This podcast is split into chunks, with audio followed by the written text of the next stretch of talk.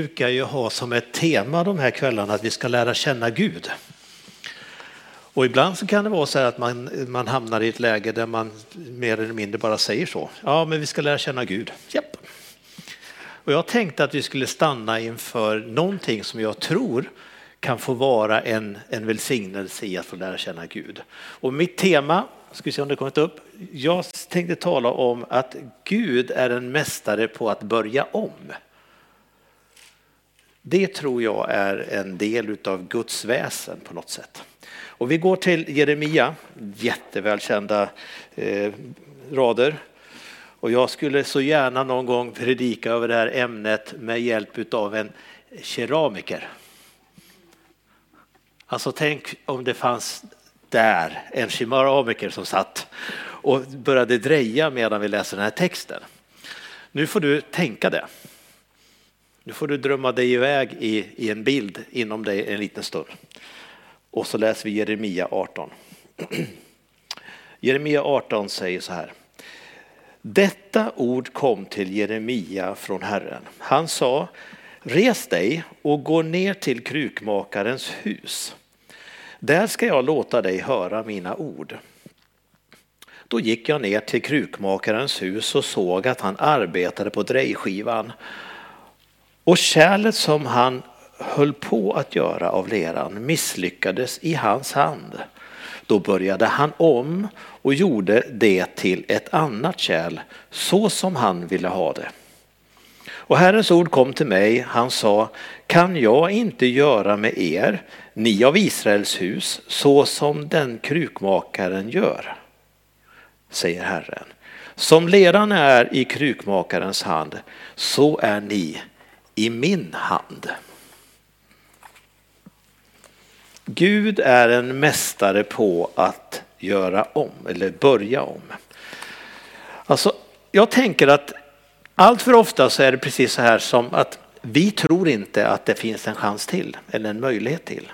Det är som att vi tänker att det är bara att ge upp för Gud eh, han på något sätt, ja ja nu är det ju så här, nu misslyckades ju han med, med det här så att nu så är det kört.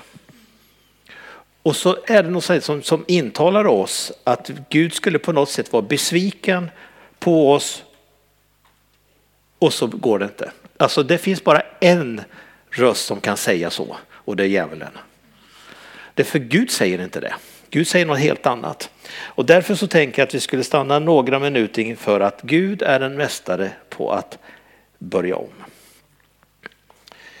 När vi läser den här texten så kan vi ana att precis som, som eh, Allan inledde den här kvällen att det fanns ett böneställe. Alltså det fanns ett särskilt ställe någonstans. Och det är som att Gud vill tala om för oss att han pockar på vårt intresse på något sätt. Att det finns en plats, en särskild plats där Gud vill tala med dig och mig. En plats som är avsedd för att han ska ha ett förtroligt samtal med dig. Inte så att det handlar om att du kanske är den stora gemenskapen, det kan det vara. Men jag tänker mig kanske en plats där det finns ett, liksom en, ett enrum där han får tala med dig. Och när vi ser liksom i historien så verkar det som att Gud utser sådana platser lite här och där. Eh, kanske det är så att, att, när du sitter och lyssnar till det här, ah, just det, jag har ju min plats där. Eh, jag hade en sån plats när jag bodde i Julita och jag, jag, när barnen var iväg till skolan och så här, då tog jag hunden och så tog jag min bönepromenad.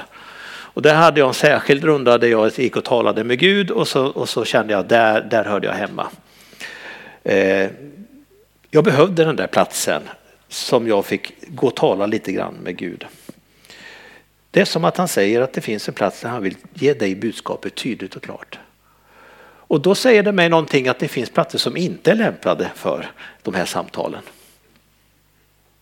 Jag tänker mig att, ja nu tack och lov, jag la ju faktiskt min mobiltelefon i väskan så inte den skulle störa.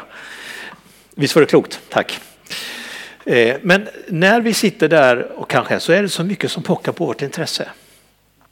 Det är så mycket som stör. Det är mycket brus. Och ibland tror jag att det finns en plats där du skulle behöva stänga av lite grann och låta han börja tala med dig i enrum. Jeremia fick uppmaningen, res dig upp och gå. Och jag skulle vilja att du bara tog någon minut när du sitter och lyssnar så här. Var är din plats?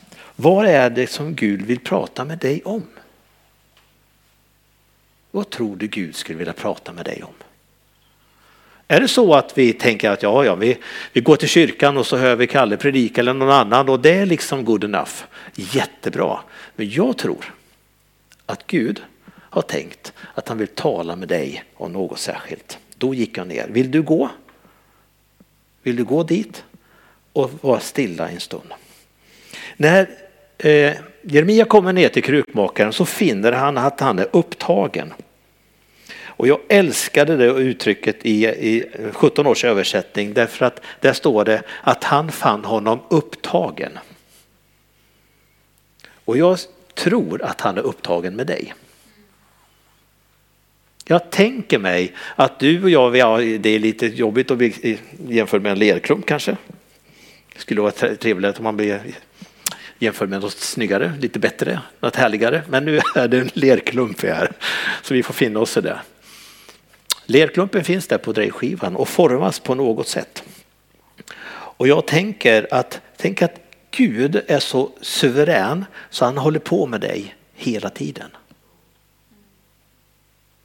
Är det någon som känner sig färdig så kan jag tala om för dig, det är felaktigt. Alltså vi blir ju aldrig färdiga, eller hur? Men det är inte så att vi ligger kvar och bara väntar, för det är väl det enda, enda stället i den här texten jag tycker att det haltar lite grann. Det är att vi ungefär skulle bara finnas kvar där hela tiden. Alltså vi får ju vara ute och tjäna Gud på olika sätt, eller hur? Men där får vi bli formade hela tiden. Han är upptagen med det. Eh, om du går till första Mosebok så, så finns det eh, finns det sammanhang där ni vet i början där han säger var det ljus. Om man läser den där textraderna så är det oftast att han säger att bli eller vara ljus.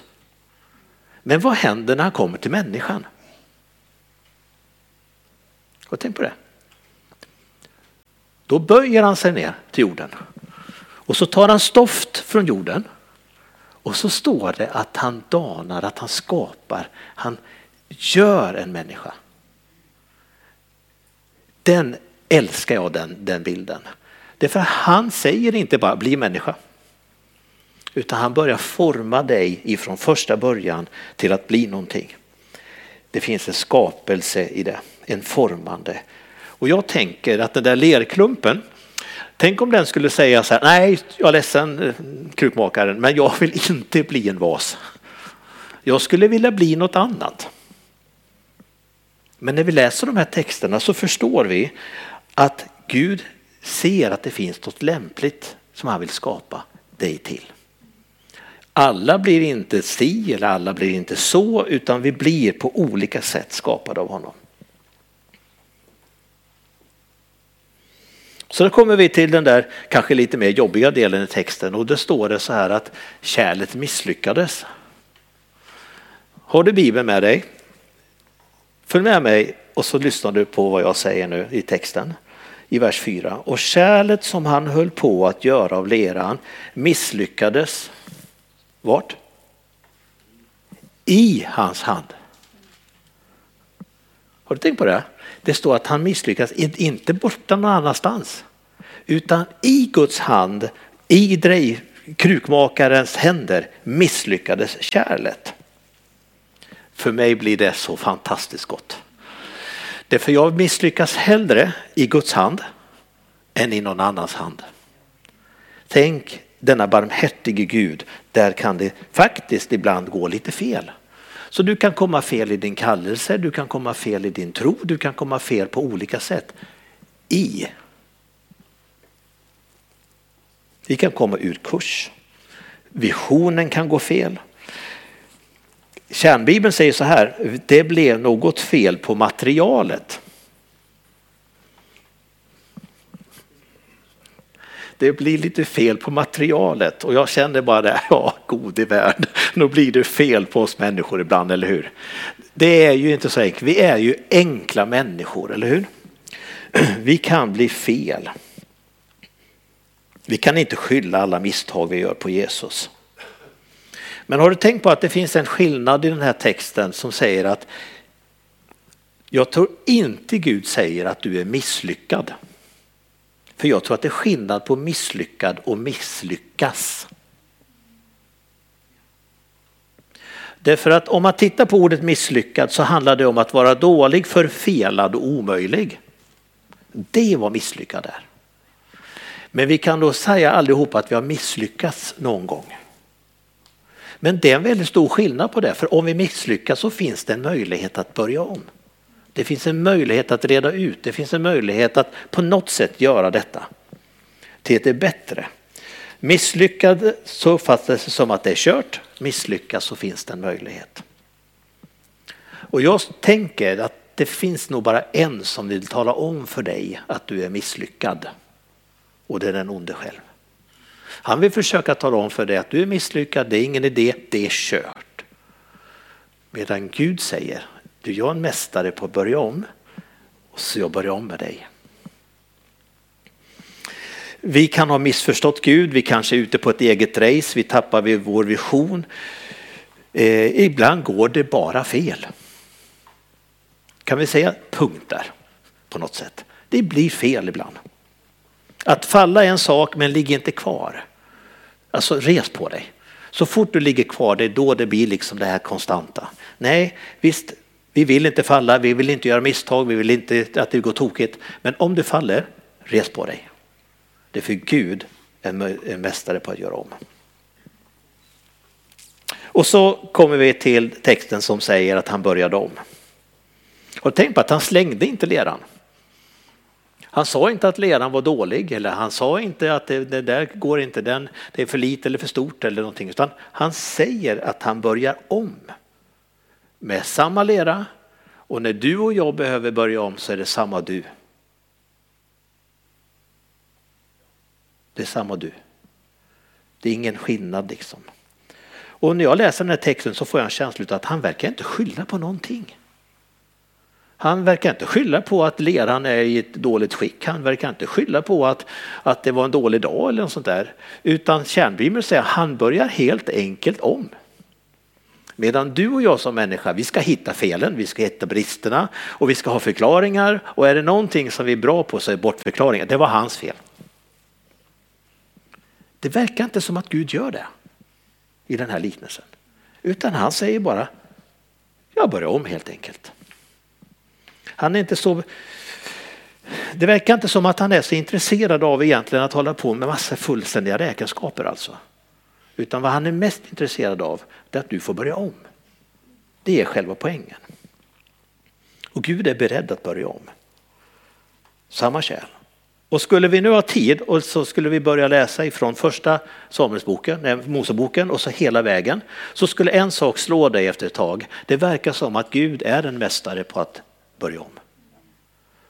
Därför när jag börjar läsa i gamla testamentet och tar bok för bok så är det någonting som slår mig hela tiden. Det verkar som att Gud börjar om hela tiden. Alltså det, där, det folket som han möter, de verkar ju helt omöjliga. Jag menar ena gången så höjer han upp dem och så säger han nej, ni gör massa fel, jag förkastar er. Och så är han inte långsint och så säger han, så börjar han om. Hela gamla testamentet. Så börjar han om. Det tycker jag är ganska skönt i den här texten att ta med sig. Gud är en som börjar om. Han börjar helt enkelt om. Så därför tänker jag så här att var inte för stolt för att börja om. Det för problemet kanske ligger mer i oss som människor. Att vi vill inte tala om för att jag har gjort fel. Eller vi vill inte, liksom, det, det är ju lite surt. Och jag tänker, ta bort stoltheten. Och säg bara, Gud det gick fel, förlåt. Kan vi börja om? Kan vi börja om? Och så börjar han om. Och så gör han någonting utav det som är. Det står i Bibeln att Gud tar inte tillbaka sin kallelse. Han tar inte tillbaka det som han har utsett till. Eh, det verkar som att många gånger så står det att han ångrar inte sig i sådana stycken. Att Gud ångrar sig, det har jag förstått när jag läst i andra sammanhang. Men när det gäller kallelsen och gäller utgåelsen så verkar han inte ångra sig. När, när jag jobbar i, i Julita i, i ja, nu det finns en risk för att det här kan bli en långstro, men jag vill inte göra den lång för att det, när jag flyttar, ska komma in i Julita och hälsa på församlingen första gången så ser jag ett gult hus. Och det där gula huset får jag bara en inre maning i förståelse att det där huset ska vi ha. Observera att jag hade inte börjat som pastor i församlingen utan det här möter jag innan jag ens vet om ifall jag ska bli pastor där. Och så, så märker jag när jag åker in där att Gud säger det där huset ska vi ha i församlingen. Och det gick ju inte därför att det var ju full verksamhet. Det var ju legoarbeten för Opel nere i Tyskland så att det, det var ju, det fanns ju ingen möjlighet.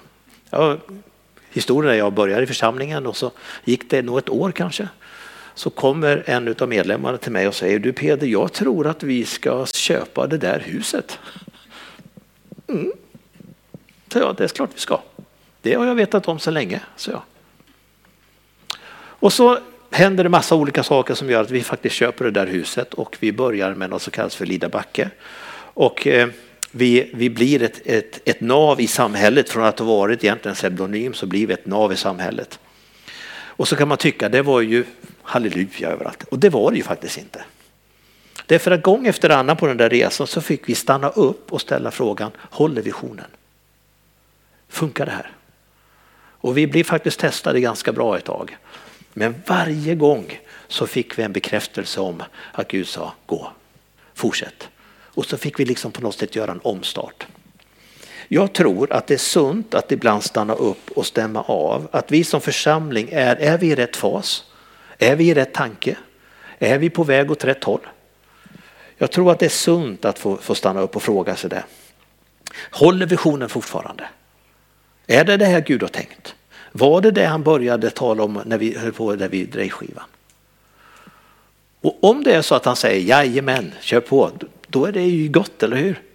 Men tänk om han säger vi måste justera lite grann, vi måste göra om lite grann. Då är det ju gott att få reda på det, eller hur? Då behöver vi få reda på det och göra den lilla justeringen. Vart är vi på väg? Det är för jag har en känsla av att Gud är mästare på att börja om. Alltså han finns där och gör det. Och sen så säger texten så började han om och så gjorde han ett kärl så som han ville ha det. Alltså det var ingen B-lösning. Det var inte ens en C-lösning. Det var inte ens version 42. Utan hans, det står att han gör ett kärl så som han vill ha det. Så när du är i ett läge där du känner att det gick, som, det gick fel, det funkade inte riktigt, det var inte riktigt okej okay, eller det hände någonting. Det var fel på materialet. Så gör han inte någonting som är din version 42. Utan han gör din version 1. Därför han gör det han vill ha. Alltså han gör det han har tänkt. Så skulle du mot förmodan gå och känna att du är en B-lösning, lägg undan det. Det Därför Gud gör inga B-lösningar. Gud gör faktiskt bara en tanke efter sin vilja och sin plan. Jag tror vi behöver påminna oss det. Alltid är det så. Det är inte en sämre vision. Det som sker det är att du kommer tillbaka in i det du är ämnad för. Det är för att du har kommit ur kurs. Och så när han börjar om, då kommer du tillbaka till det som var tänkt. Och du får komma i, i rätt takt med Gud igen. Jag är så fascinerad över Gud när han håller på så. Eh, jag höll på och läste Mika bok och en uttryck som jag älskade där, det står han har sin glädje i nåden. Visst är det gott? Alltså det betyder att han har mer glädje i nåden, i förlåtelsen än i fördömelsen. Är du med? Utan han, han är så väl förtrogen med att veta att när Peder Skog gör något tokigt och han gör något fel så vet Peder det. Och så har han glädje i nåden. Och så säger han Peder du är förlåten. Visst är det gott att veta det? Det finns inget bättre än att veta att man är förlåten så står det så här, skulle jag inte kunna göra? Ibland så kanske det är så att vi säger åt Gud att du kan inte, du förmår inte, det är för att det är hopplöst. Jag är ett sånt där hopplöst fall. Tänk om du kunde sudda ut det och lämna det därhän. Därför Gud säger, skulle jag inte kunna göra? Skulle jag inte kunna hjälpa dig? Skulle jag inte kunna ändra på det här? Kunde jag inte börja om och göra någonting gott? Det bästa som kan hända i ett enskilt liv det är att Gud formar dig. Det är det bästa som kan ske. Och tänk att du kan få vara den där lerklumpen som finns där på drejskivan. Och så börjar han jobba. På samma sätt säger kärnbibeln så gör han precis som på leran så gör han med dig. På samma sätt. Som leran är i hans hand är du i Guds hand. Hur formbar är du och jag? Hur formbar är vi när vi finns intill Gud? Jag tänker när han säger att han vill göra någonting med oss. Hur formbar är vi? Jag har en sån här alltså, erfarenhet i livet där jag har sagt till Gud, Gud, du kan väl komma med en hälsning. Du kan väl ge mig en liten sån här vink, men du skicka inte den. Eller gör inte så. Och ni har redan räknat ut vad som sker. Han skickar den som jag inte vill. Och han gör ibland så som jag inte tänkte att han skulle göra. Därför Gud säger det, kom ihåg, jag kan använda vem jag vill. Och jag kan göra precis så, bara det blir bra för dig. Och jag är så tacksam för att det har, det har funkat så. Han kommer aldrig göra våld på dig. Finns inte en chans. Gud kan inte sånt. Utan han vill ditt bästa. Och jag tänker att Gud vill på något sätt forma dig. Hur motsträvig är du? Jag har drejat otroligt lite i mina dagar. Jag är definitivt inte rätt person att beskriva eh, denna, denna eh, händelse. Eh, och det blev ingen kruka av det jag höll på med. Det blev bara pannkaka alltihopa. Men jag fick lära mig en sak i alla fall. Det är att om leran inte har rätt förhållanden, den är inte bearbetad, då är det svårt att dreja. Peder Skog behöver inte vara så motsträvig. Kom Gud och forma, gör vad du vill. Därför att jag har förstått i den här texten att när, när krukmakar, krukmakaren gör någonting så gör han det han finner lämpligt. Det som funkar. Och när han ser på dig så börjar han tänka så här, vad ska vi kunna göra? Hur ska det gå? Hur ska vi göra med Allan här? Och så börjar han att fundera och så skapar han någonting som är lämpligt för just dig.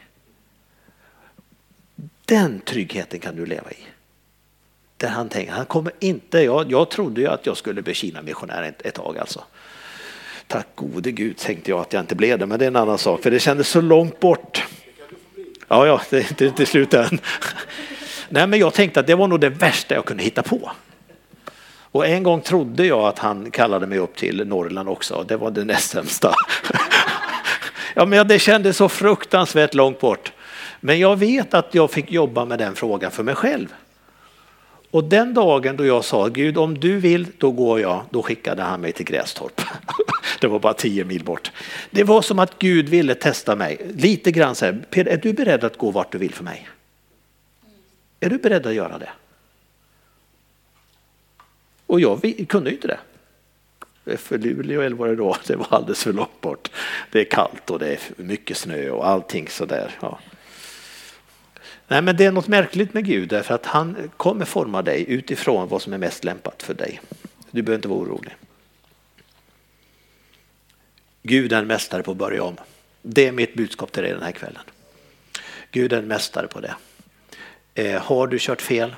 Har du hamnat tokigt? Är det någonting som har gått lite tokigt?